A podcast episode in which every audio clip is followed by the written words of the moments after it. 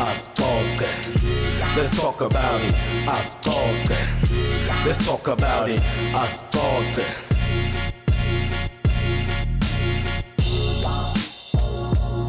siku episode 9 we asixoxe na Prince Vilakazi ke angikwamukele mangabe kuyi episode yokuqala lena. Khumbula ke ukuthi mangabe uqala kulalela sine page ku Facebook iasixoxe na Prince Vilakazi. Then usilalela ku SoundCloud nyalo ukuze uthole ama episodes sukela ku episode 1 till episode 9 sidanzele ku SoundCloud iasixoxe na Prince Vilakazi as well. Mawuya ku Twitter ke @prince_asixoxe episode 7 na episode 8 ngikhulumile ke ukuthi ngicela sivotele siyanda ke la.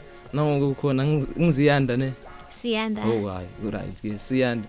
Maziya ukhona ke la. Into lengiyithandayo uma ngabe bosolo ubukile ke kulikhasi lethu la ku Facebook ngishilo ukuthi i-episode yakhe iyeda ke kune video la la introducer khona. Ngiyathanda ngendlela at introducer ngayo. So nginomnika naleli thuba lethi ungathi introduce. Hi everyone, I am Siana Mazia and I have entered for Miss Teen Universe South Africa and I'm a semi-finalist. bengisudokwenda le place of the rising sun. Ngisazele part le Mm ngibani uqhamuke what was the idea ukuthi ukhombise isign yala Mpumalanga uma ukhuluma ngokuthi wala Sunzeni sethu ala province I just wanted to represent Bumalanga Mm. and so that everyone can know that I'm from Bumalanga. Mhm. but ikhombisa ukuthi uke waye crash lelo leya because umntwana longakayi crash angeke ayadi lelo nale the sign Uh, eh how was your June 16 ngoba ngibona ngathi bowusebenzisa umthanyelo wokufly yeah, my June 16th was very nice. Mm. I had to clean up um, with the Dick Bus youth. Mm. We cleaned our environment to keep it clean. so ni kulama pageant niya collaborate because i saw someone lo nail band kumbe be kule birthday yakhe No, um, she was Miss Miss Bush. mhm how Yes. then ufike njani lapha bathona She um we live in the same area. oh So we all the all the Digbus youth Mm. had to meet and we so that we can clean up the environment. Mm. okay mina i'm in radio ku radio kuna two mashow labalekile emkhatsini weliviki it's breakfast and lelenye ibitwa ngeafternoon but basebenzisa leligama la drive you have a a community work lo yendako lo ibita nge-cloud drive Yes. so asicale kule idea be- before explain i-cloud drive ukuthi yini uchamuke njani ukuthi uyibide ukuthi okay i-cloud drive since um there are people struggling out there Mm. and some people don't have clothes um we di- we thought about make discovering a clothing drive. mm. so it's clothes only lo dila ngakho nyalo on your community work kumbe there's more Um, you can also donate food if you want, Mm. but we we're doing only clothes for now. uthe it your first most beyokuqala Yes, then how was the experience it was very nice, and I've learned that people are out people out there are struggling, Mm. and we should be grateful for all the things that we have. so la laba kusupportako how was the support The people that supported me have really pushed like a lot, and I I'd like to thank them a lot. Mm. Thank you, everyone. eh akusi easy because kube ne preparation ngiyacabanga uhambe ngo10 kusena ngini Yes, hmm, from la then ucetha ngosikhatsini we finished around twelve.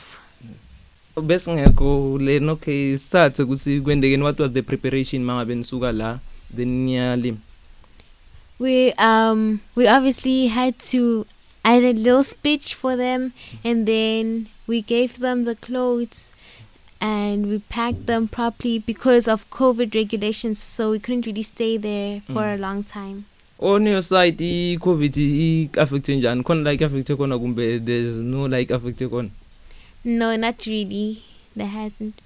eh umsebenzi kude mhlambe labo buke khona ukuthi udosayina somewhere nema company let's say for your modeling career washo ukuthi anyalo sesivalele Yes, it has really affected my modeling career. icale njani i modeling career yakhe It started when I was nine years old.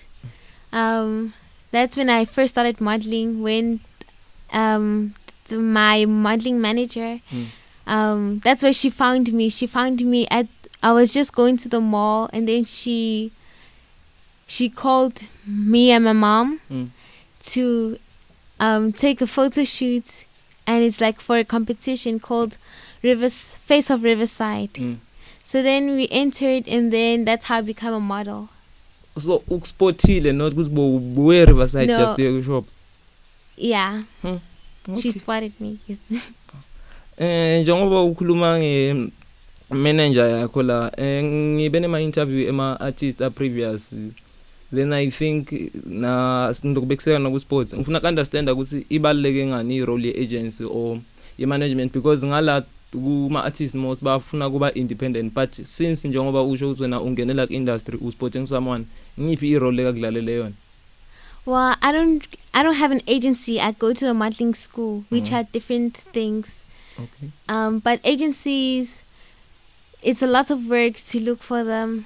You have to apply for them, and you get paid by them. Mm. While I'm in the modeling school, where you don't get paid, you pay them. yeah eh, so esikolweni yes, it's a school. Mm, mm. then icala njani ikhozi yakhona iphela njani Um, my um, modeling school Mm. starts from three years old Mm. until 19 years old. 19 Yes. so nyalo una 14 nyalo shothi uyaqeda ma una 19 or you decide ukuthi okay ngiphuma la Um, I s- I'm thinking about going finding an agency, so I might stop very soon. in so okay u- ngalokhu funzeni Yes. Mm, yeah, understand ma categories wa- wabalile ukuthi ahlukahlukene why did you choose fashion wena I chose fashion because fashion is. I've always wanted to be a fashion model since I was young, and it's very interesting for me because that's when I can I have the opportunity to model for big um, brands such as Prada, Mm. Louis Vuitton, Mm. and etc. okay then nyalo do you have any label lo le sponsorship or lo represent No, I don't have one yet. Okay, we're gonna find one in Babaton. Ngwaphi ma pageant lo wangenele before ufika nyalo la ukhona khona? This is my first pageant, Mm. and which is Miss Teen Universe.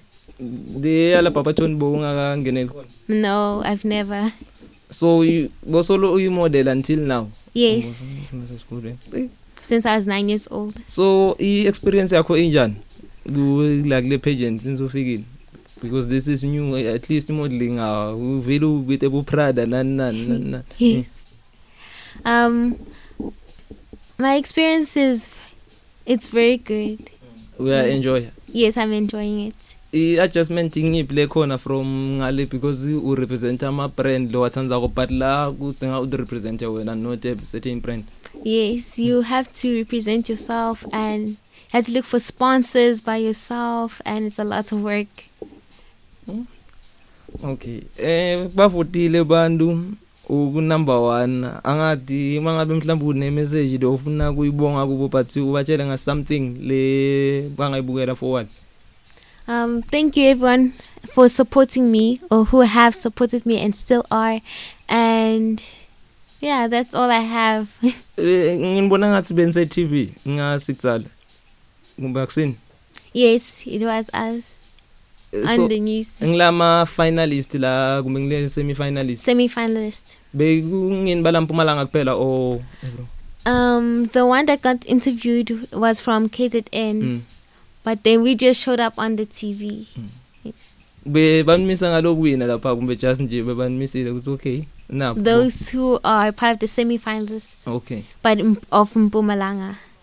kuwina kwakho ku- kuthini ku ku- kumbe kuminani Um, like what we gonna win? Eh ngisho ukuthi after you win.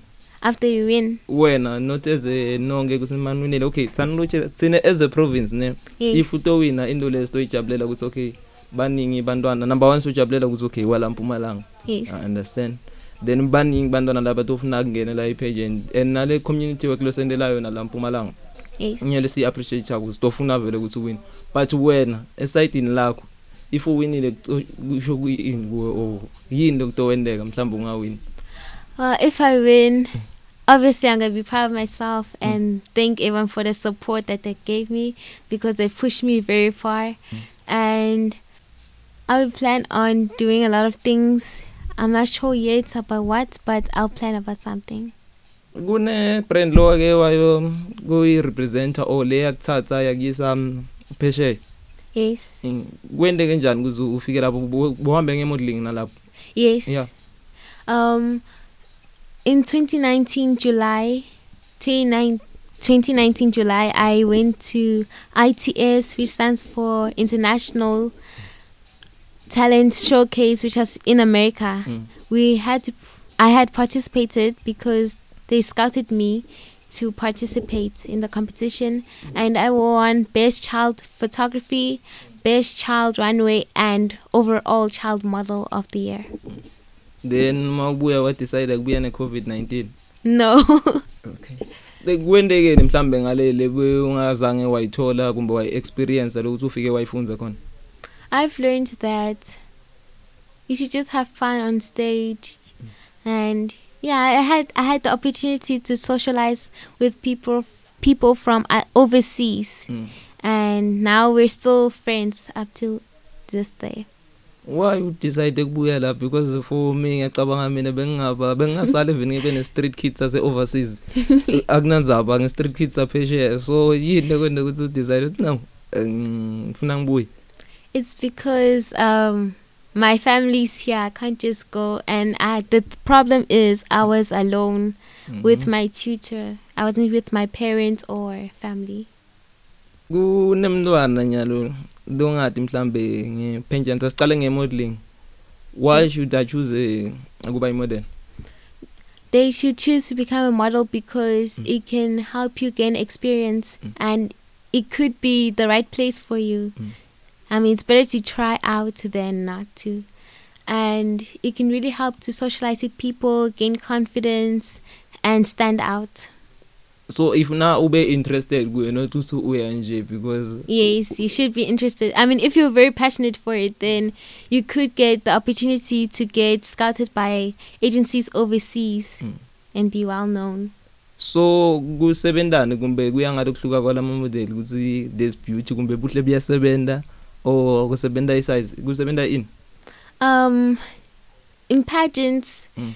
you any size can model any age. There, uh, there aren't really um restrictions. Mm. But when it comes to fashion modeling, Mm. then obviously you have to be tall or you have to be short. There's petite. There's there's different types, but there's different rules that you have to follow. Kune product bengiyibone uyithengise lapha. I don't know ukuthi beyasiswakho kumbe yabantu product leya. And practice it because the product kuyithengisa uyithengisile serious. I don't know ngiyafisa kwathi use even nale video ni editile angisembe R- everything nokhuluma ngayo yini i- i lipstick or Inuka. yeah. how? Okay i know even that brand. Everything lebukhuluma ngayo ngale product uthi ayendi something. Akwendeki akwendi something akwendeki so ngiletinto lebe banifundisa etko- esikolweni leta ku just was your experience ukuthi ufuna kubona kumbe experiment No, it was just um my um I just had to make an advertisement, like a mini advertisement to push my mother's business. Mm. Yes. so uthengisile after lapho mama Yes, she has. ishare yakho uyitholile Not really. Okay but umuntu ofuna ukukulandzela um, ku social media ukuthola njani They can find me on Facebook. My username is Siana Mazia. And on Instagram, it's Sianda underscore Mazia. oh yes ku cloud drive Yes. umuntu lo ufuna kudonate udonate njani They can contact me on 079 720 73 56.